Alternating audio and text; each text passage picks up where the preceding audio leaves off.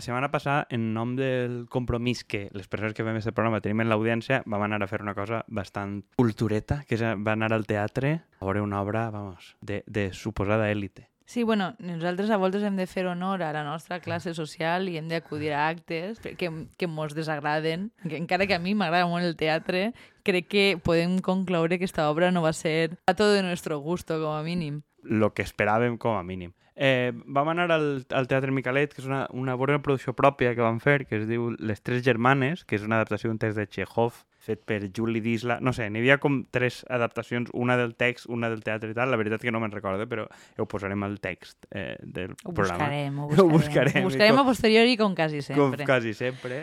La qüestió és que jo m'he posat buscant a veure l'obra de Chekhov quan, quan havia sigut, eh, de què anava, sobretot de què anava, perquè jo mm, vaig a acabar de veure l'obra sense tindre massa clar de què anava, si anava d'algo en realitat, perquè a banda de, de, de la dificultat de sentir empatia pels personatges, que ara ho parlarem, tinc la sensació que més enllà de mostrar un absolut desfici, que això sí que t'he de dir que em van transmetre, perquè el que jo volia fer tot el rato del desfici que tenia era pirar-me, si haverem sabut que el Micalet tenia una porta darrere i no havien de passar per davant de, de, de la gent i que ens miraren mal, probablement ens haverem pirat. Eh, però això, bueno. això és una confessió que hem de fer i, i, i que la veritat que és una és un poquet una llàstima, perquè les, les interpretacions dels actors i actrius eren bones, jo crec que ho feien bé, la escenografia que tenien tenia, era xulíssima, era xulíssima, tenia sentit, estava, jo crec que estava ben, ben produït, la qüestió és que, més enllà de... O sigui, la, la pregunta rellevant, sí, pense que és la següent. Per a què? És a dir, quin sentit té adaptar ara un,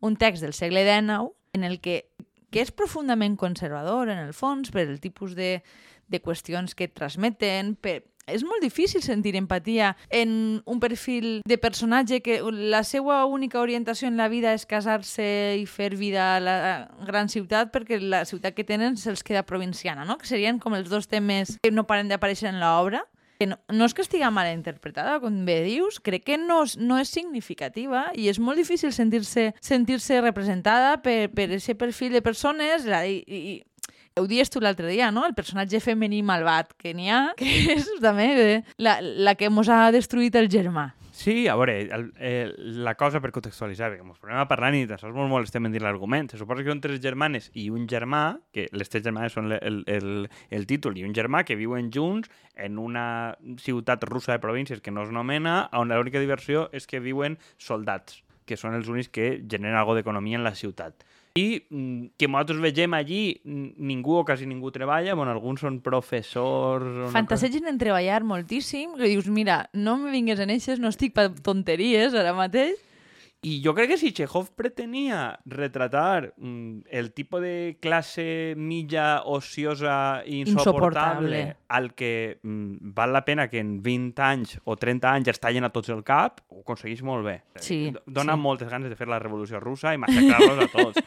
és una gent super pueril en el seu plantejament, traten fatal a la criada, que és una cosa a la que no li donen centralitat, només apareix en un moment determinat que una li tira encara a l'altra. I és la mala la que li tira... En, és a dir, la, la que li crida i li diu mm, que és una inútil, és la, la, la que identifiquen com la mala de la pel·lícula. Que és la dona del germà, que tal... Que, que el porta per el camí de l'amargura, perquè com li agrada molt els seus xiquets, està obsessionat en ser ama de casa, aquell es dona a la beguda i a la mala vida, i a, i a, i a jugar a cartes. I és culpa d'ella, evidentment, de que ell siga un pare irresponsable. Bueno, bé, això és un, un debat, més enllà de que a mi em fa gràcia que la, el, el tipus de, de maternitat immersiva que fa la, que fa la, la dona esta, em, em recorda moltes coses de, de, del present, no? Només li falta posar fotos en Instagram, però al, al final acabem plantejant-la com la mala per això, que és lo xungo, dir, mira, podries dir-li que no té ofici ni benefici, que no té més expectatives en la vida, que és una dona que són totes molt unidimensionals, que totes les dones de l'obra,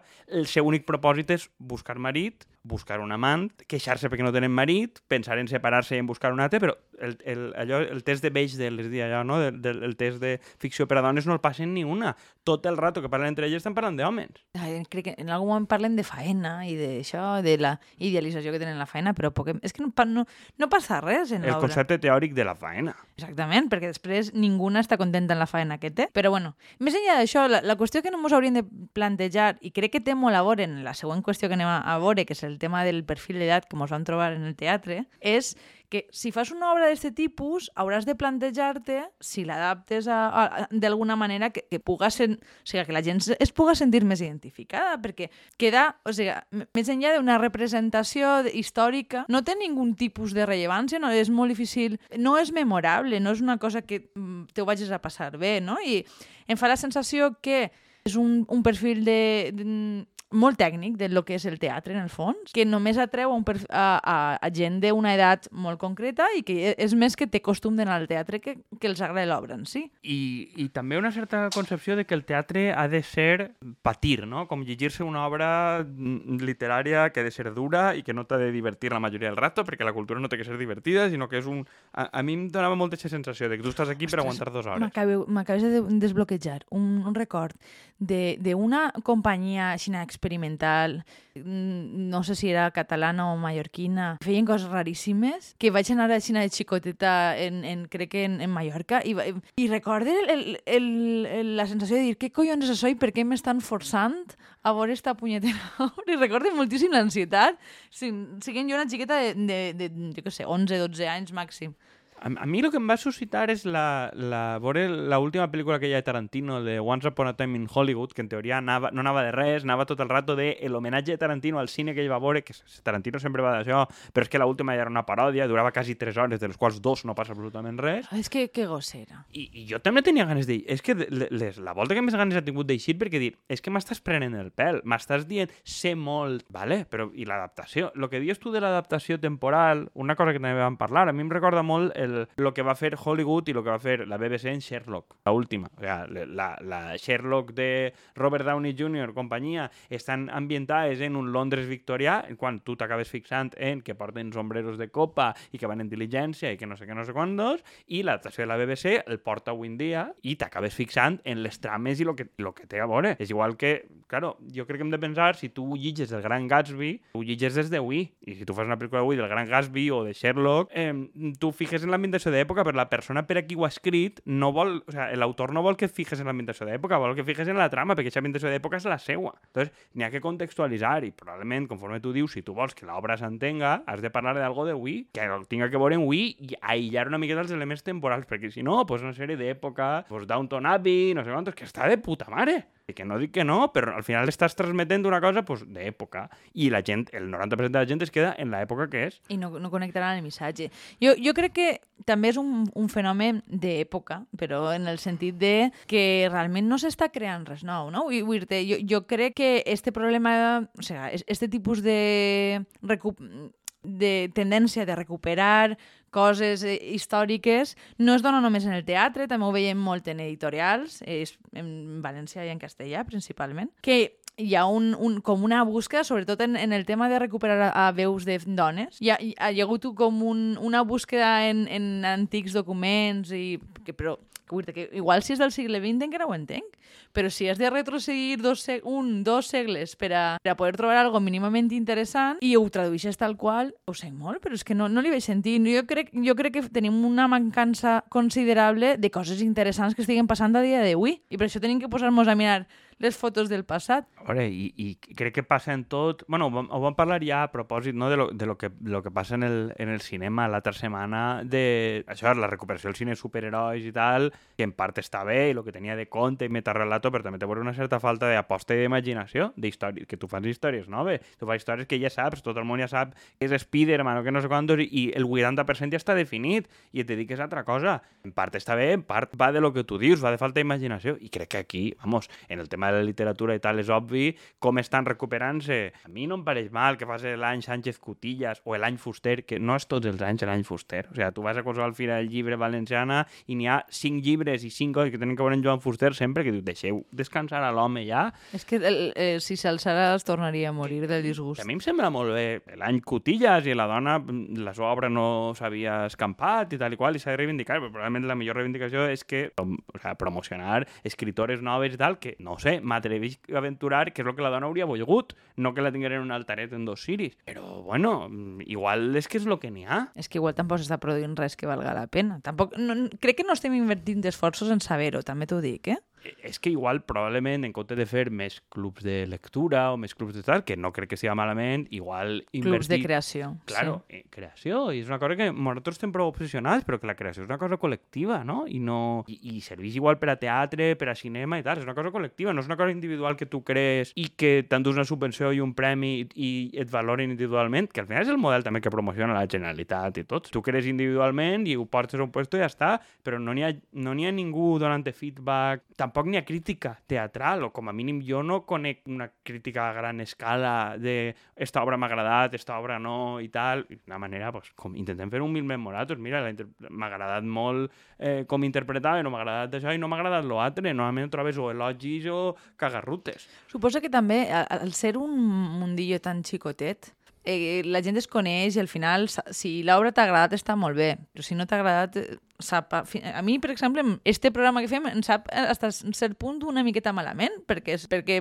realment el que dius, no? Pense que la faena de, de l'actuació estava ben feta, però l'obra no, per a mi no valia la pena i al final eh, em sap greu que un sector que és executiu, que té poca entrada de, de, de públic, encara sembla que l'anem a tirar a, a baix, no? Però no crec que vagi a això. Jo crec que toca ser una miqueta menys eh, llepaculs en algunes coses, mal mos pese per, perquè són bones persones en el fons, encara que no ho pareguem a voltes. Sí, però al final entre les obres consolidades de que et ve eh, la enèsima obra de Lolita o no sé quantos, de coses que venen o, o, o els còmics de stand-up espanyols de televisió que ja ho ocupen tot eh, i que són tots clònics i que fins i tot el més... O sigui, això també està, formant, està menjant-se l'escena, coses que tu veus en televisió que consumeixes en el teatre i va perquè aquesta persona guanya dos duros, que tampoc està malament, però clar, al final això no és, no és un espai teatral propi, diguem, sinó que ve, ve importat de fora o de famosillos o de José Sacristán, que deu tindre 79 anys i continua en actiu perquè com en l'any 70 i pico va fer una obra que no dubte que el senyor ho fa molt bé, però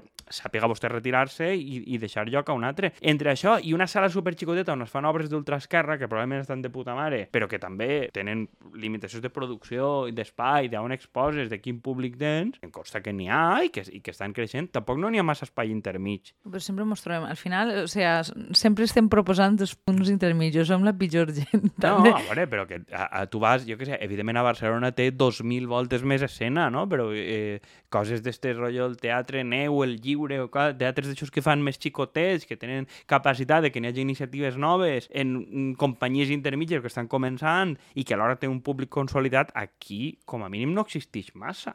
I, I també hi ha una altra cosa que, que volia apuntar una miqueta abans, quan deia el, el perfil d'edat que tenen les obres. Abans parlava de, del contingut, però també és l'accessibilitat, no?